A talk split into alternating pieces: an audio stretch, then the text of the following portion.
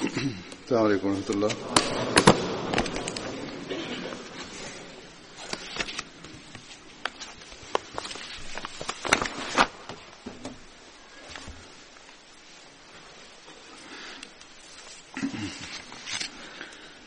أن لا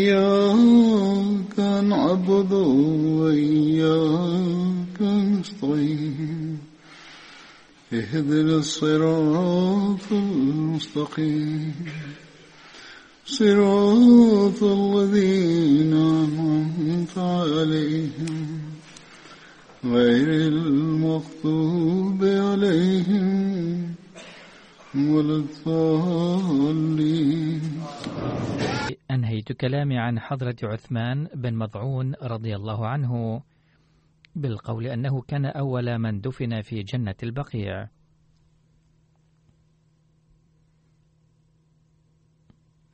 والتفصيل الذي وجدته عن بداية جنة البقيع وتأسيسها هو أن النبي صلى الله عليه وسلم حين هاجر إلى المدينة كانت هناك مقابر كثيرة.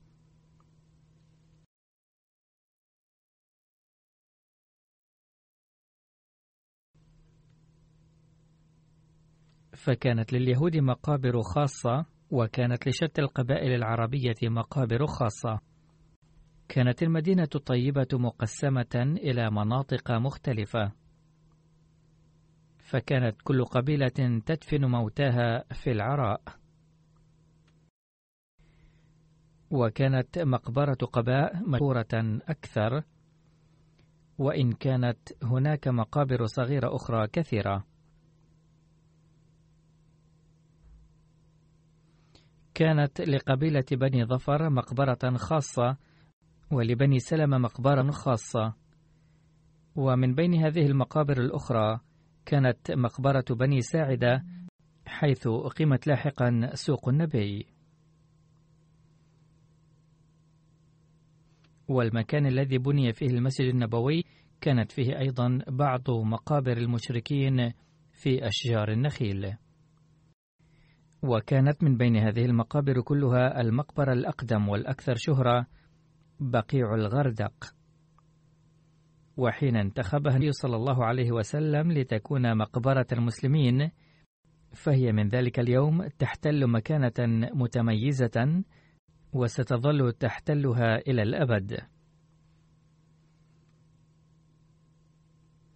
عن عبيد الله بن أبي رافع قال: كان رسول الله صلى الله عليه وسلم يبحث عن مكان يجعله مقبرة خاصة بالمسلمين.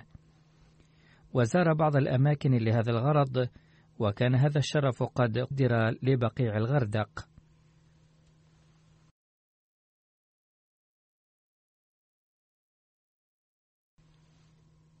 فقال النبي صلى الله عليه وسلم قد أمرت بهذا أي أن أخت بقيع الغردق.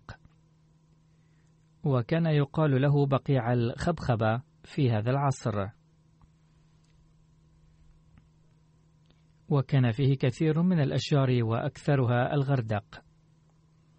وكان المكان ممتلئا بالبعوض والحشرات الأخرى. وعندما كانت تطير يبدو كأن هناك سحب من الدخان.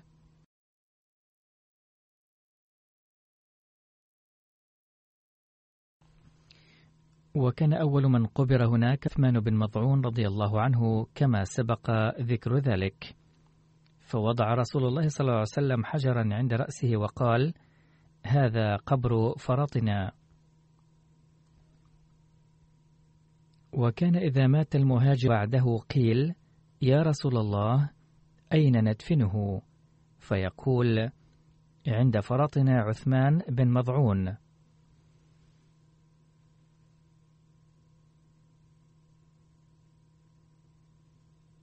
والبقيع هو مكان كثير النبات. وكان هذا المكان سمي ببقيع الغردق لوجود أشجار الغردق فيه بكثرة.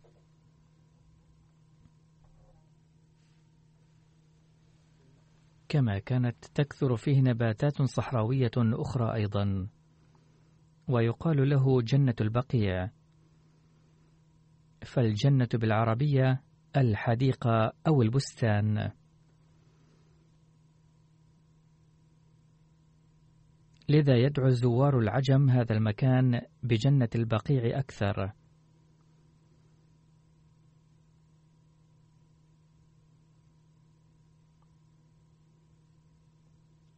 لقد كتب هذا التفصيل الأستاذ عبد الحميد القادري. ثم يقول لا يغيبن عن البال أن العرب يطلقون على مقابرهم كلمة الجنة نفسها. أحد أسماء هذه المقبرة بقيع وهو مشهور في الأعراب أكثر.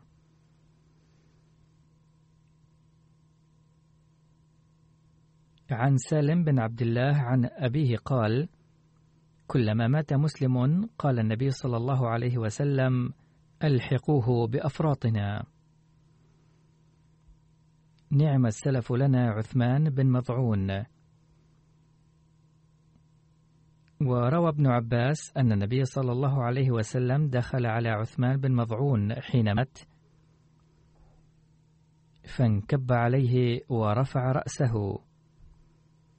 ثم حنى الثانية ثم حنى الثالثة ثم رفع رأسه وله شهيق وقال اذهب عن أبا السائب خرجت منها ولم تلبس منها بشيء. وعن عائشة أن النبي صلى الله عليه وسلم قبل عثمان بن مضعون وهو ميت وهو يبكي وعيناه تذرقان أي كان يبكي كثيرا وكانت تفيض دموعه وتسقط على خدي عثمان.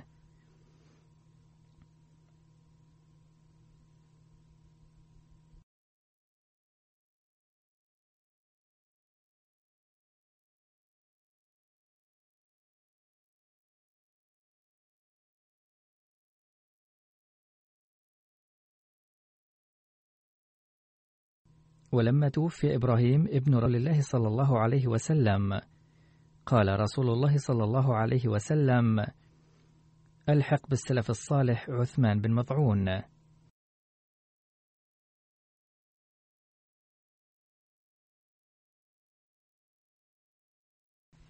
عن عثمان بن عفان أن النبي صلى الله عليه وسلم صلى على عثمان بن مضعون وكبر عليه أربعا. بعض الناس يقولون لا تكون أربع تكبيرات بل هي ثلاثة فقط. لكن هذه الرواية تفيد أن أربع تكبيرات أيضا جائز. عن المطلب قال لما مات عثمان بن مضعون أخرج بجنازته فدفن فأمر النبي صلى الله عليه وسلم رجلا أن يأتيه بحجر فلم يستطع حمله. فقام إليها رسول الله صلى الله عليه وسلم وحسر عن ذراعيه. قال المطلب قال الذي يخبرني ذلك عن رسول الله صلى الله عليه وسلم؟ قال كأني أنظر إلى بياض ذراعي رسول الله صلى الله عليه وسلم حين حسر عنهما. ثم حملها فوضعها عند رأسه وقال أتعلم بها قبر أخي وأدفن إليه من مات من أهلي.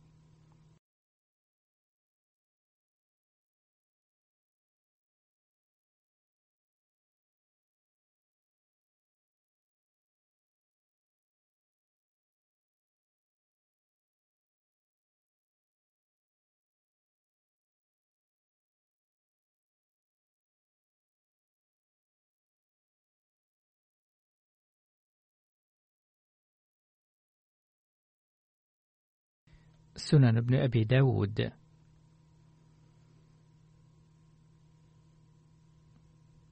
الآن أقدم لكم شيئا مما كتبه حضرة ميرزا بشير أحمد رضي الله عنه عن وفاة حضرة عثمان بن مضعون. فقد كتب ضمن بيان أحداث العام الثاني بعد الهجرة أن النبي صلى الله عليه وسلم جعل لأصحابه في نهاية ذلك العام مقبرة يقال لها جنة البقيع.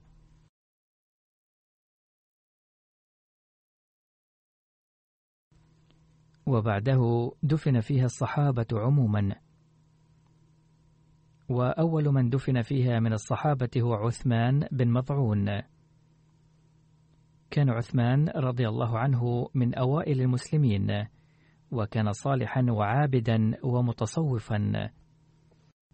وبعد إسلامه استأذن النبي صلى الله عليه وسلم يوما في ترك الدنيا والأهل ليقف حياته لعبادة الله خالصة.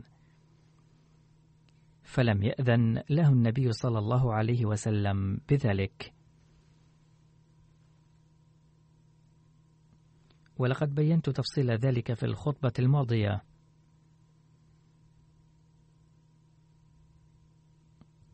لقد تلقى النبي صلى الله عليه وسلم صدمة كبيرة بوفاة عثمان بن مضعون.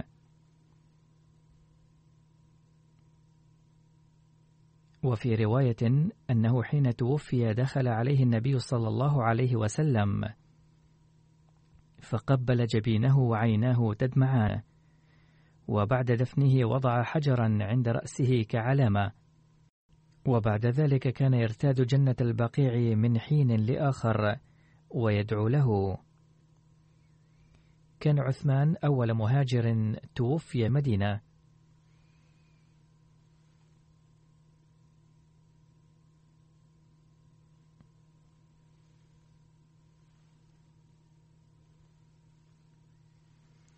قالت امرأته ترثيه. يا عين جودي بدمع غير ممنون على رزية عثمان بن مضعون. على امرئ بات في رضوان خالقه طوبى له من فقيد الشخص مدفون. طاب البقيع له سكنى وغردقه وأشرقت أرضه من بعد تفتين. وأورث القلب حزنا لا انقطاع له حتى الممات فما ترقى له شوني.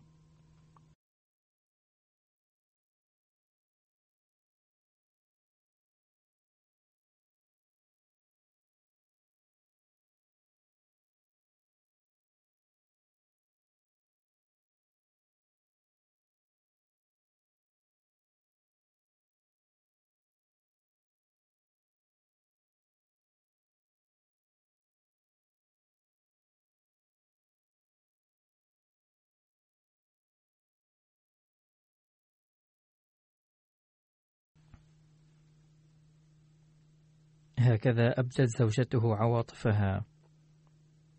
قالت حضرة أم علاء وهي امرأة كانت بايعة النبي صلى الله عليه وسلم. حين اقترعت الأنصار على سكن المهاجرين طار لنا في السكن عثمان بن مضعون لنسكنه في بيتنا.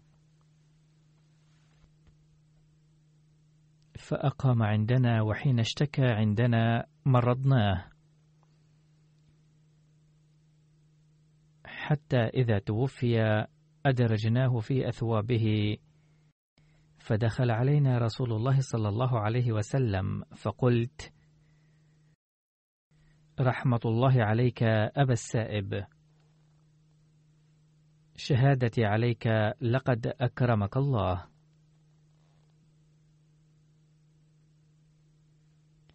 فقال رسول الله صلى الله عليه وسلم وما يدريك أن الله أكرمه.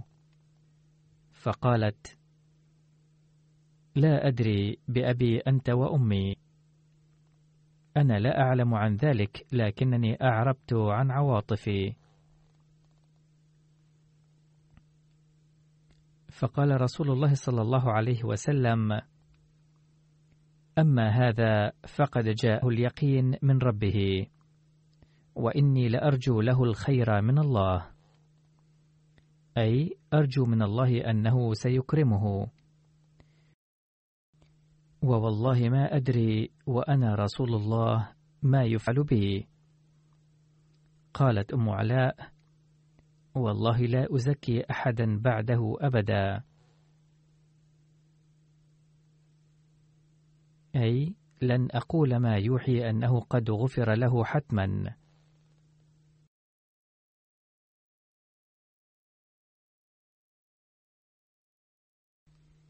فأحزنني ذلك فنمت. فرأيت لعثمان عينا تجري. فجئت إلى رسول الله صلى الله عليه وسلم فأخبرته. فقال رسول الله صلى الله عليه وسلم ذلك عمله.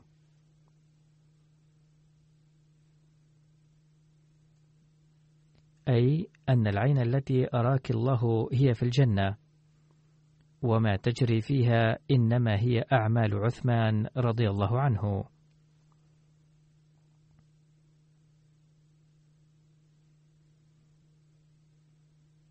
إذا كان هذا أسلوب النبي صلى الله عليه وسلم للتربية لذا قال ناصحا أنه ينبغي ألا تشهدوا شهادة مؤكدة على مغفرة الله لأحد هكذا. أما عندما أريت أم علاء أعمال عثمان بن مضعون بصورة عين صدق النبي صلى الله عليه وسلم رؤياها. وإلا كان النبي صلى الله عليه وسلم يعلم سلفا أن الله تعالى قد رضي عن الصحابة البدريين. وأضف إلى ذلك أدعية النبي صلى الله عليه وسلم لعثمان وما أبداه صلى الله عليه وسلم من عواطفه بحق عثمان. يوضح جيدا أنه صلى الله عليه وسلم كان واثقا بأن الله تعالى سيجيب أدعيته بحق عثمان وسينال قرب الله تعالى. ومع ذلك قال صلى الله عليه وسلم لا يحق لكم أن تشهدوا بذلك بحق أحد.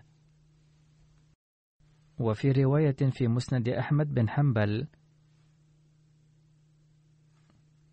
عن خارجة بن زيد عن أمه قالت إن عثمان بن مضعون لما قبض قالت أم خارجة بن زيد طبت أبا السائب خير أيامك الخير فسمعها نبي الله صلى الله عليه وسلم فقال من هذه؟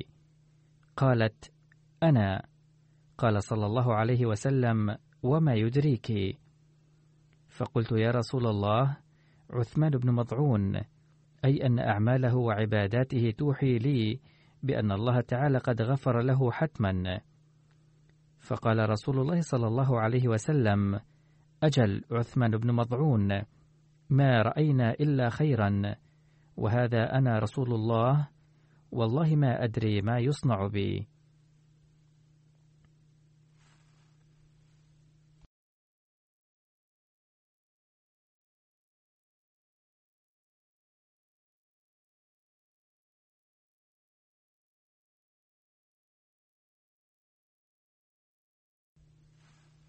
أقول ليس في العالم شخص أحب إلى الله تعالى من النبي صلى الله عليه وسلم فهو حبيب الله.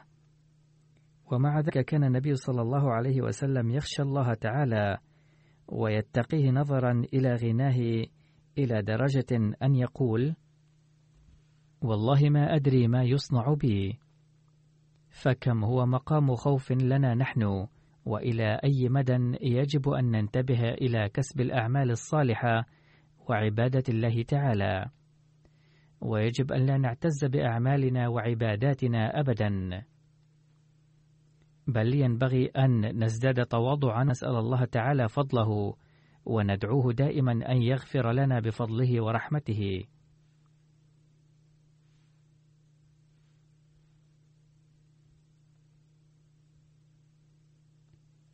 وفي رواية أخرى في مسند أحمد بن حنبل قالت أم علاء فاشتكى عثمان بن مضعون عندنا فمرضناه حتى توفي. أدرجناه في أثوابه فدخل علينا رسول الله صلى الله عليه وسلم فقلت رحمة الله عليك أبا السائب شهادتي عليك لقد أكرمك الله. فقال رسول الله صلى الله عليه وسلم وما يدريك أن الله أكرمه. قالت فقلت لا أبي بأبي أنت وأمي.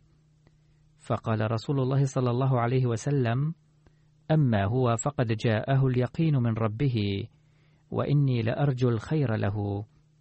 والله ما أدري وأنا رسول الله ما يفعل بي. قالت والله لا أزكي أحدا بعده أبدا فأحزنني ذلك.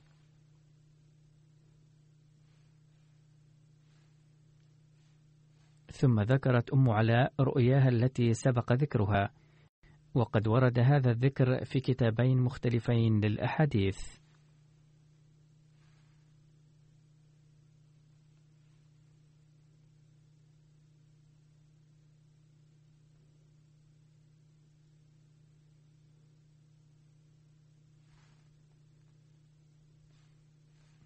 لا شك أن الله تعالى رفع درجاته. وكان النبي صلى الله عليه وسلم قد دعا له أيضا. ندعو الله تعالى رفع درجاته باستمرار ويوفقنا للتأسي بأسوتهم.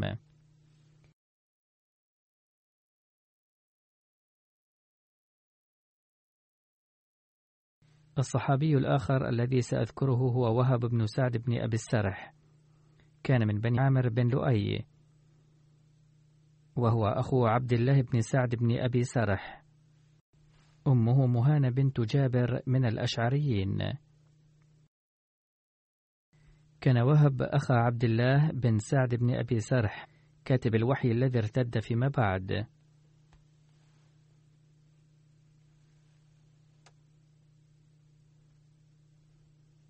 وقد بين سيدنا المصلح الموعود رضي الله عنه تفصيل هذا الحادث فقال كان ثمة كاتب للوحي اسمه عبد الله بن أبي سرح. وقد ورد في السيرة الحلبية أنه كان أخا عثمان بن عفان من الرضاعة.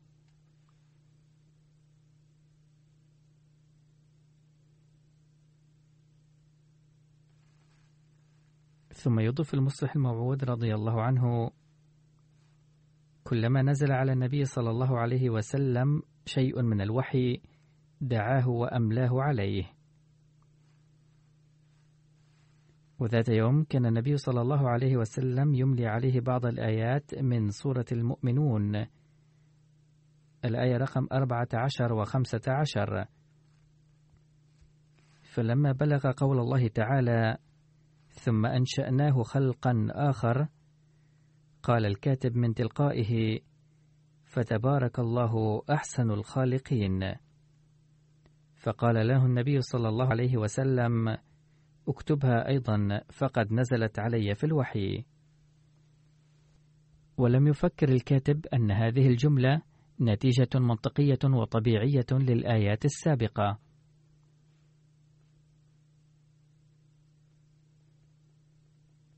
وإنما ظن أن محمدا صلى الله عليه وسلم لما سمعها من لسانه عدها من عند نفسه آية قرآنية.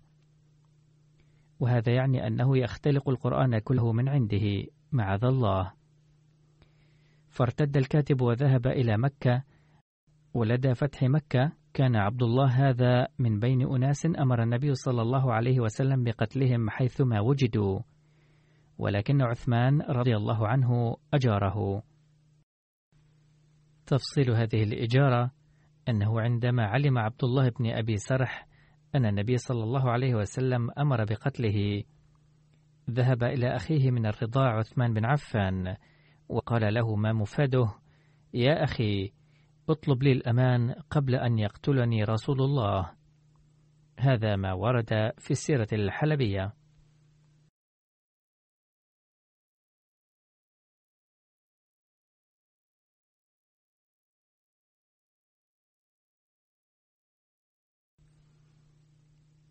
على أي حال يقول سيدنا المصلح موعود رضي الله عنه فظل مختبئا في بيته ثلاثة أيام.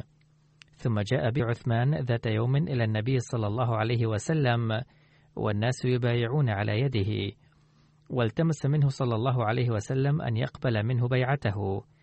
فتردد النبي صلى الله عليه وسلم أول الأمر ثم قبل بيعته وهكذا أسلم عبد الله بن أبي سرح ثانية. أقول هناك أمور أخرى كثيرة أدت إلى إصدار الحكم بقتله مثل إشعال الفتنة والفساد ولم يصدر هذا الحكم بقتله بسبب ارتداده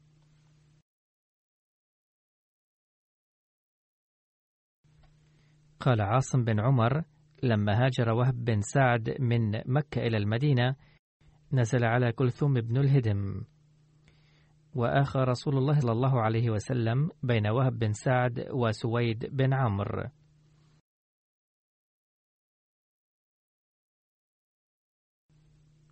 شهد وهب بن سعد أحدا والخندق والحديبية وخيبر وقتل يوم مؤت شهيدا في جماد الأولى سنة ثمان من الهجرة وكان يوم قتل ابن أربعين سنة.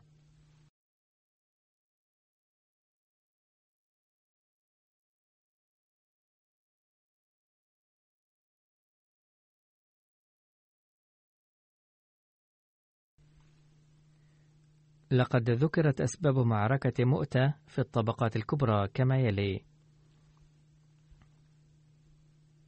بعث رسول الله صلى الله عليه وسلم الحارث بن عمير إلى ملك بصرى بكتاب، فلما نزل مؤتة عرض له شرحبيل بن عمرو الغساني. كان شرحبيل أحد ولاة قيصر على الشام بحسب ما قيل في السيرة الحلبية.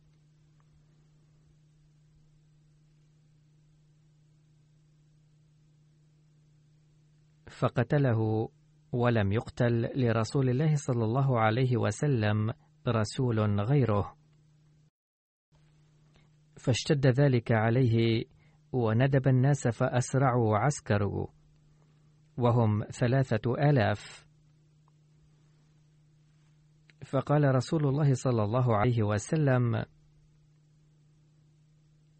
أمير الناس زيد بن حارثة. وعقد لهم رسول الله صلى الله عليه وسلم لواء أبيض ودفعه إلى زيد بن حارثة. وأوصاهم رسول الله صلى الله عليه وسلم أن يأتوا مقتل الحارث بن عمير. وأن يدعوا من هناك إلى الإسلام فإن أجابوا ولا استعانوا عليهم بالله وقاتلوهم. إذا قد اشترك وهب أيضا في هذه المعركة وهناك تفاصيل أخرى بهذا الشأن وأذكرها بإيجاز.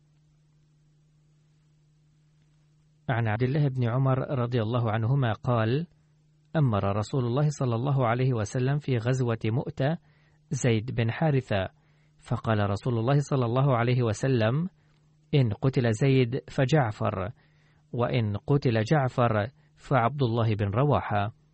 يسمى هذا الجيش جيش الأمراء أيضا.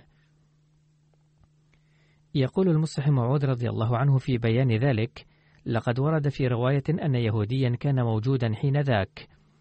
فلما سمع قول النبي صلى الله عليه وسلم جاء إلى زيد وقال إذا كان محمد رسول الله صادقا لن يرجع أحدكم الثلاثة حيا. فقال زيد سواء رجعت حيا أم لم أرجع فإن محمدا رسول الله حقا صلى الله عليه وسلم.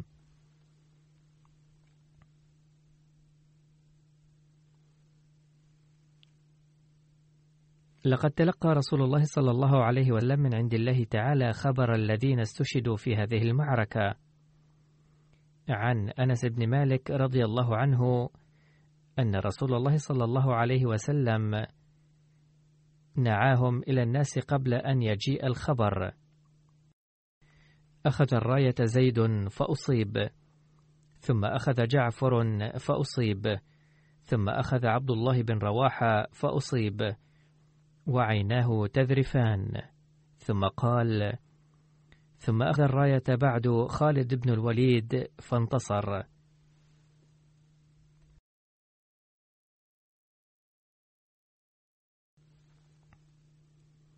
رفع الله درجات هؤلاء الصحابة.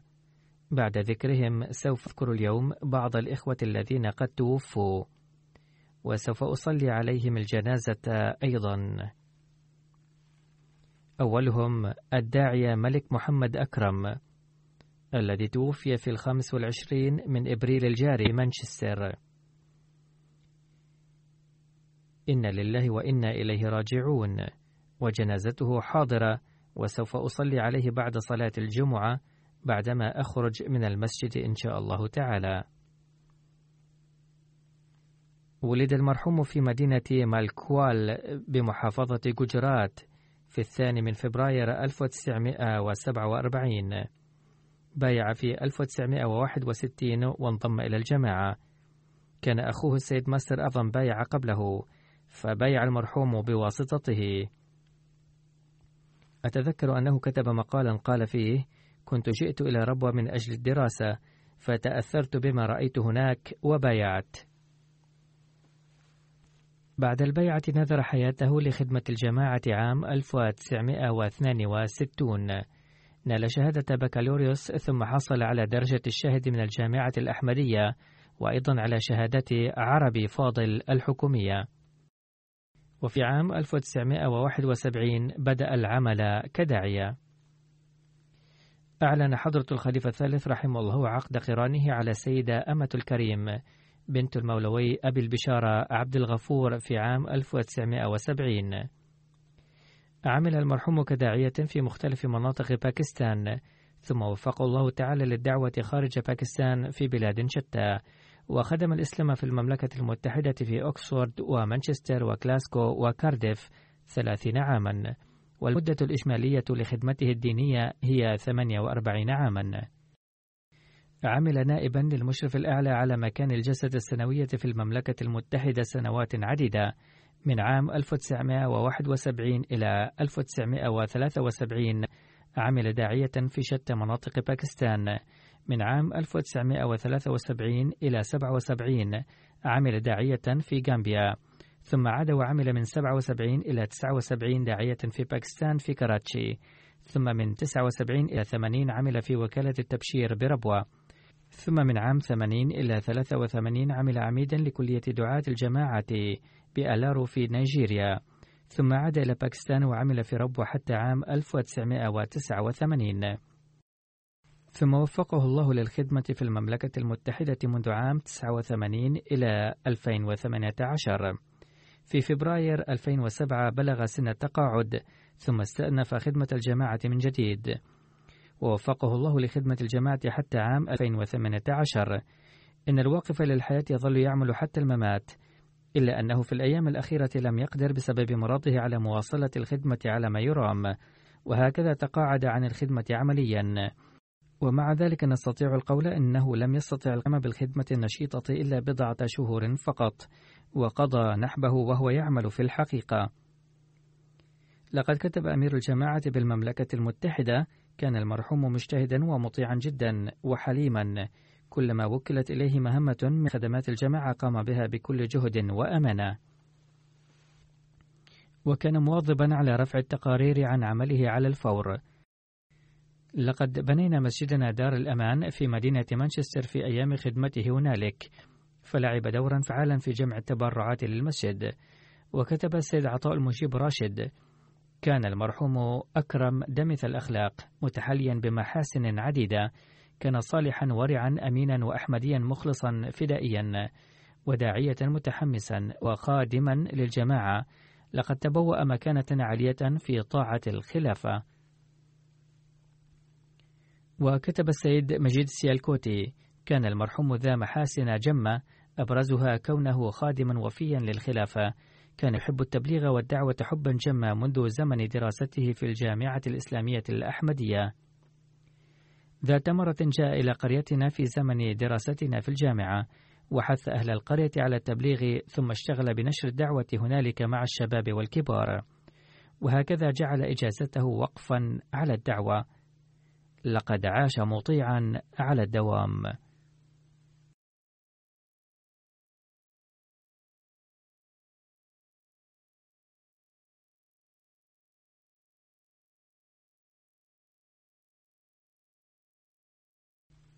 وكتب السيد أسلم خالد المحترم الذي يخدم في مكتب السكرتير الخاص بلندن صار المرحوم بزواجه من أقارب من قبيل الأصهار حيثما عمل المرحوم داعية أحبه أبناء الجماعة.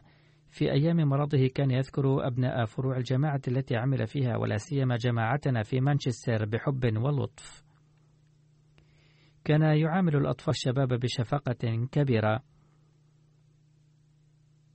ذكر لي السيد خالد مثالا على ذلك فقال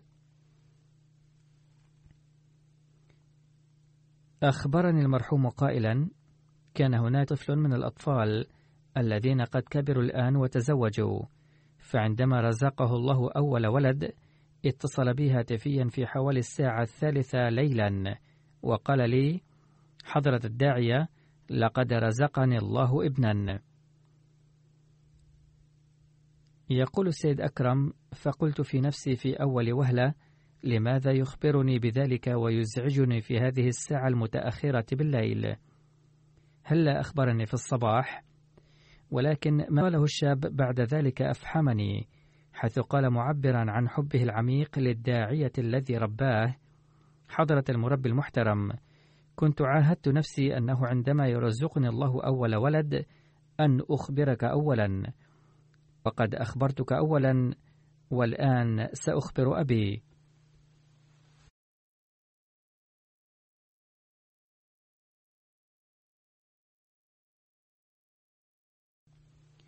إلى هذه الدرجة كان أبناء الجماعة يحبون هذا الداعي المرحوم وكان يحبهم. رفع الله درجات المرحوم وتغمده بواسع رحمته وألهم ذويه الصبر والسلوان. جنازته حاضرة وسوف أصلي عليه عندما أخرج من المسجد بعد الصلاة.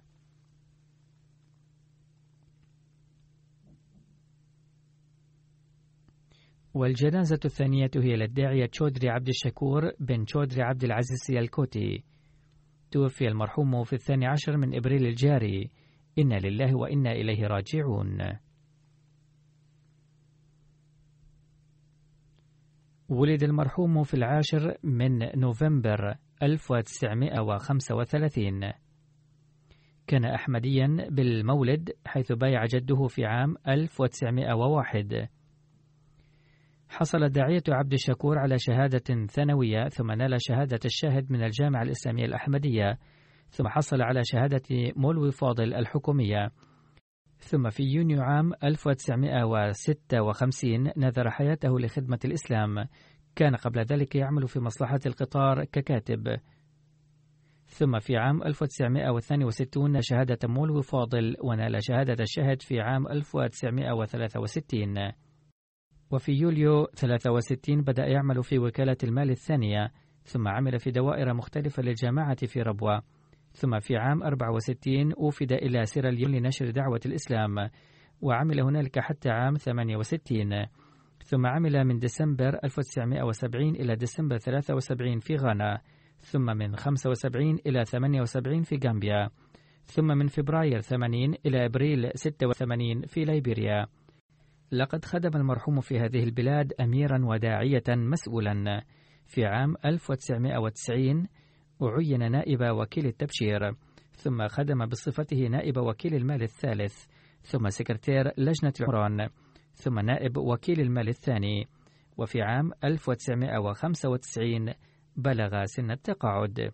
ثم استأنف الوقف وظل يخدم الجماعة حتى عام 2004 إنه لم يستطع الاستمرار في الخدمة بسبب إصابة عينه بمرض المياه الزرقاء.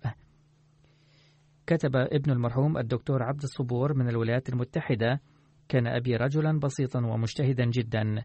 لقد أتيحت لنا فرصة رؤيته وهو يقوم بمهماته في مجال التبليغ والتربية بصفته أميرا والداعي المسؤول في ليبيريا. كان يعد خطبته بمنتهى الجهد دائما. وكان يلقي خطبا رائعة بعد إعدادها على ضوء القرآن الكريم والحديث الشريف وكتب الجماعة والكتاب المقدس وغيرها من المصادر. كان يقوم بالدعوة بين المسلمين الآخرين والمسيحيين بالأدلة والبراهين وبمنتهى الحب والرفق. لقد سد كل نفقات دراستنا نحن الإخوة والأخوات من وسائله المحدودة وزيننا جميعا بزينة العلم. وقال السيد محمود طاهر القائد العمومي لمجلس أنصار الله بباكستان كان المرحوم خدوما صامتا كان يركز على عمله فقط وكان سديد الرأي. وكتب السيد شيخ خالد نائب وكيل التبشير بربوة. كان المرحوم متواضعا طيب النفس نفيس الطبع وفيا وفدائيا للخلافة. وكتب الداعية حيدر علي ظفر نائب الأمير بألمانيا في هذه الأيام. كان السيد عبد الشكور ذا خصال حميد كثيرة كان مخلصا بسيطا متواضعا مجتهدا وشديد الحيطة في إنفاق أموال الجماعة. كان تقيا وصاحب مبدأ. أدار مكتبة الجماعة في ليبيريا على أحسن وجه. حتى أعاد بناء المسجد وبيت الداعية هناك بما درت به هذه المكتبة. بنى في مساحة صغيرة مجمعا صغيرا يحوي مكتبة ودار ضيافة وصالتين للمسجد منفصلتين للرجال والنساء وبيتا للداعية. كان يشترك مع العمال في أعمال بناء المسجد فكان المرحوم من جهة يكسب المال بنفسه ثم بنى بما كسبه هذا المجمع والمسجد. كما اشترك مع العمال في عمل البناء في عام 1986 يقول السيد حدر علي حين استلمت منه المهام وأقيم حفل وداعه فحضرت الحفل حيث ذكر الناس ما قام به من جهود لبناء المسجد والمركز وأشادوا به فرد بكل تواضع. قد وفق داعية قبلي لشراء هذا المكان ووفقني الله تعالى لإكمال هذا العمل في عهده. والآن يمكنكم أن تقوموا بأعمال تبشيرية فيه والحق أنه محض فضل الله تعالى الذي وفق لذلك. كان المرحوم منخرطا في نظام الوصية وترك في ذويه زوجته وابنتين وثلاثة أبناء. رفع الله تعالى درجاته.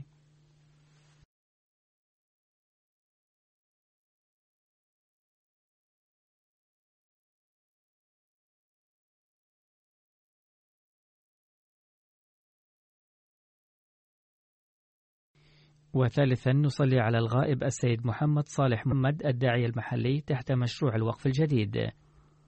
توفي في الواحد والعشرين من نيسان أبريل 2019 إنا لله وإنا إليه راجعون. كان أبو جدته لأمه ملك الله بخش رضي الله عنه صحابي المسيح الموعود عليه السلام. وهو بعد أن رأى آية الكسوف والخسوف ذهب من لودران إلى قاديان سيرا على الأقدام.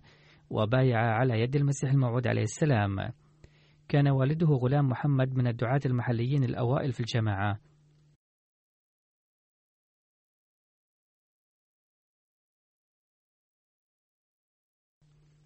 ولد المرحوم في 1959 وقدم طلب التسجيل في الجامعة الأحمدية في 1976 ولكنه لم يقبل لأن عمره كان أكبر من السن المقرر للتسجيل. فتوظف في معمل في مدينة كوتري. كتب ابنه ذهب جدي ملك غلام محمد الداعية المحلية إلى كوتري للقاء أبي فلم يعجبه المحيط هناك فأمره بأن يترك الوظيفة فورا ويقف حياته ليصبح داعية محلية تحت مشروع الوقف الجديد. فترك الوظيفة التي كان يتقاضى فيها راتبا قدره 450 روبيه وكان قد تزوج حينها.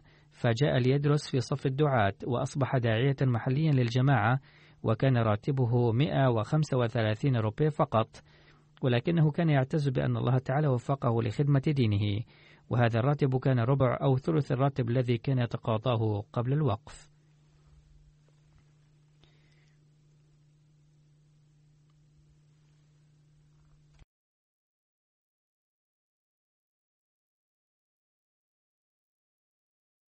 أعين داعية في نكر باركر في 1979 وكانت الظروف صعبة جدا.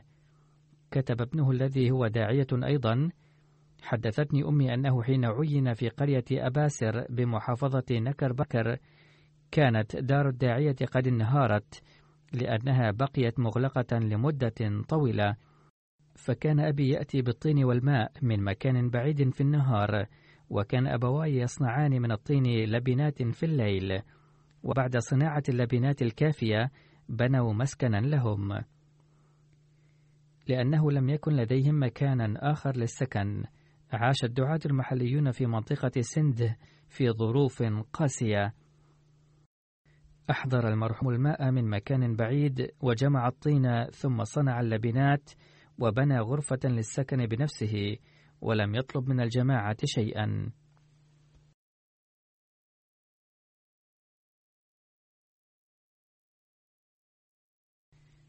كتب ابنه أخبرني أبي أنه لم تكن أي تسهيلات في ناجر بارك لذا حين كان يذهب للاجتماع الشهري كان يأتي معه بحاجيات البيت وأدوية الهوميوباثي وأشياء ضرورية أخرى لأنه كان يقيم في منطقة نائية.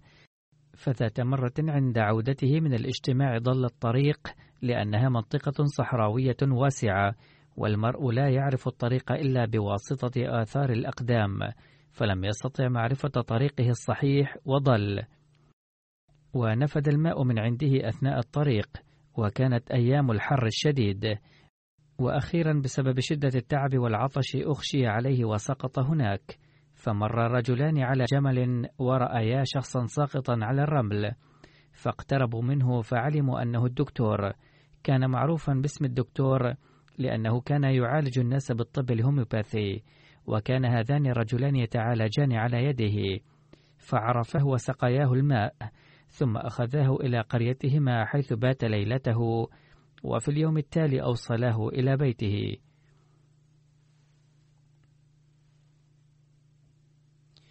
كتب أيضا كان أبي يوصي أولاده بالصلاة وكان ملتزما بصلاة التهجد حتى صلى التهجد يوم وفاته أيضا وأيقظ أمي أيضا للصلاة. كان خلوقا جدا يحب الناس ولو أساء إليه أحد صبر ولم يرد بمثله قط. وكان نشيطا جدا في تطوير العلاقات مع الناس وكان الناس يودعون عنده أماناتهم لكونه أمينا. وكلما حصل نزاع في الأسرة كان يصلح بينهم دوما. كان منخرطا في نظام الوصية وترك في ذويه ثلاثة أبناء وثلاث بنات إضافة إلى زوجته.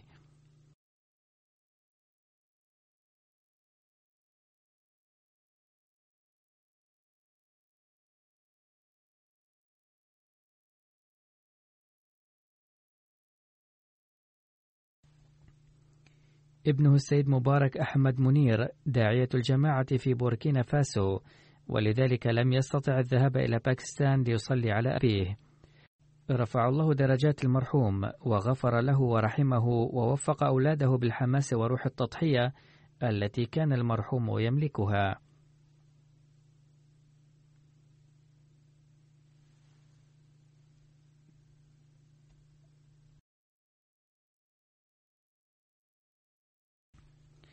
ورابعا نصلي على الغائب السيد موشي جمعة من تنزانيا. توفي في الثلاث عشر من آذار مارس. إنا لله وإنا إليه راجعون. ولد في 1933 أو 34 في منطقة موروغو بتنزانيا. وانضم إلى الجماعة في 67 وقصة دخوله في الجماعة كالتالي. كانت عادة سائدة في مشايخ أهل السنة أنهم يطالبون الناس بإقامة مأدبة فاخرة لإيصال الثواب إلى المرحومين وفي الوقت نفسه كانوا يعملون العقيقة للولد المتوفى حديثا. وكان المرحوم يختلف معهم كيف يجمعون هذين الأمرين.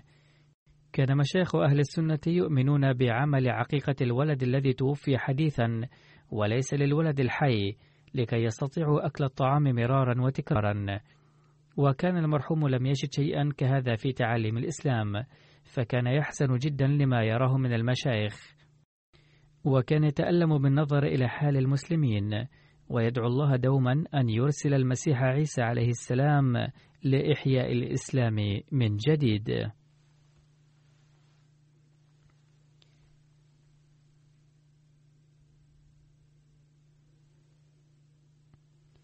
كتب الداعية المسؤول في تنزانيا أن المرحوم كان يقول: التقيت بالداعية المسؤول، وكان آنذاك الداعية المسؤول في تنزانيا السيد جميل الرحمن رفيق، الذي هو وكيل التصنيف في باكستان حاليا.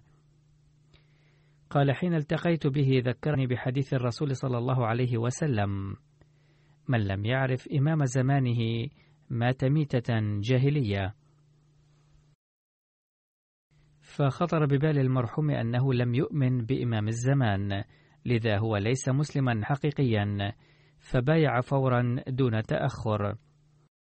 وبعد البيعة ذهب إلى قريته وبشر إخوته وأخواته وأسرته وأصدقائه وجمعهم جميعا وبلغهم دعوة المسيح الموعود عليه السلام. فبايع أخوه السيد عيدي سلمان في العام نفسه. وهو قد توفي وكذلك دخل الجماعة زوجة السيد جمع فورا بتبليغه.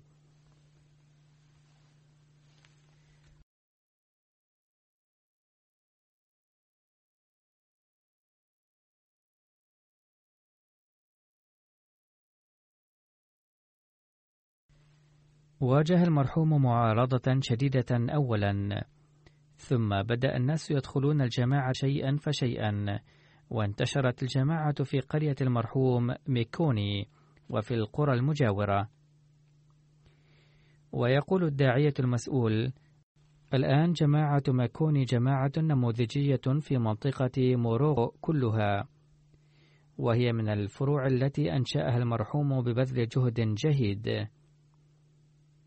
كان بعد انضمامه إلى الجماعة يتبين من كل عمله أنه يحب الخلافة جدا. وكان يحترم للغاية الدعاة والمسؤولين في الجماعة ويلتزم بنظام الجماعة وكان مفرط الحماس للدعوة والتبليغ ولم يكن يضيع أي فرصة للتبليغ. وكان من السباقين في دفع التبرعات بل كان يحن دوما إلى دفع التبرعات كلما جاءه دخل. وكان يقول دوما لا حقيقة لهذه الدنيا الفانية. كان منخرطا في نظام الوصية، وكان يحث الآخرين أيضا لينخرطوا في هذا النظام المبارك. وكان مثالا للالتزام بالصلوات، فكان يلتزم هو نفسه بالصلوات الخمس، كما كان ينصح بذلك أولاده وأحفاده وأسباطه. وكان يتهجد بكل شوق وحفظ كثيرا من أدعية الرسول صلى الله عليه وسلم وكان يحب جدا قراءة كتب المسيح الموعود عليه السلام. كتب ابنه السيد شمعون جمعة الذي هو أستاذ في الجامعة الأحمدية بتنزانيا. كنا ثلاثة إخوة ندرس في الجامعة التي يتخرج منها الدعاة المحليون من 1987 إلى 90 قال أتذكر أننا نحن الإخوة تشاورنا فيما بيننا أثناء العطلة الصيفية. أن يترك أحدنا الدراسة في الجامعة ليساعد الأبوين في الأمور اليومية في البيت. فذكرنا ذلك لأبينا فاستاء جدا. كتب الابن شمعون جمعة لا أنسى ذلك اليوم أبدا. كان أبونا غاضبا جدا. وأفهمنا قائلا ينبغي أن تتوكلوا على الله وتستمروا في الدراسة في الجامعة ولا تفكروا في تركها أبدا. نفخ المرحوم روح خدمة الجماعة في أولاده الثلاثة.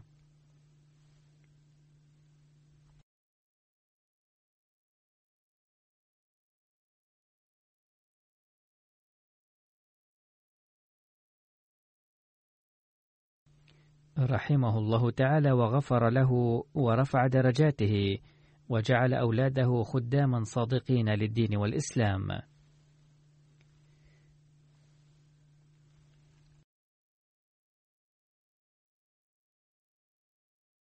سأصلي عليهم جميعا كما ذكرت. جنازة السيد ملك أكرم حاضرة وسأخرج لأصلي عليها. وأما أنتم فتشتركون في الصلاة في داخل المسجد.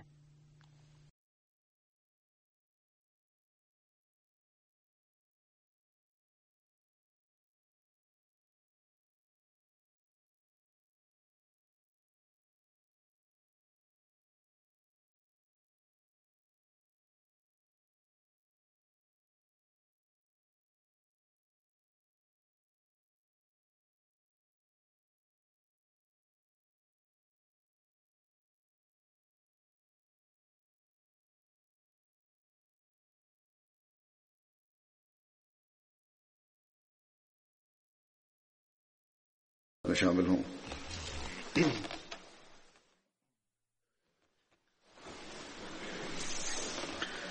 الحمد لله الحمد لله نحمده ونستعينه ونستغفره ونؤمن به ونتوكل عليه ونعوذ بالله من شرور أنفسنا ومن سيئات أعمالنا من يهده الله فلا مضل له ومن يضلل فلا هادي له ونشهد أن لا إله إلا الله ونشهد أن محمدا عبده ورسوله عباد الله رحمكم الله.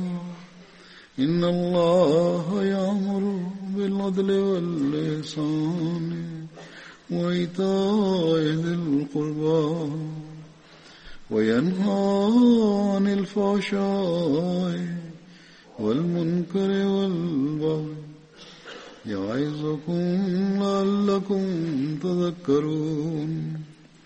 اذكروا الله يذكركم وادعوه يستجب لكم ولذكر الله أكبر.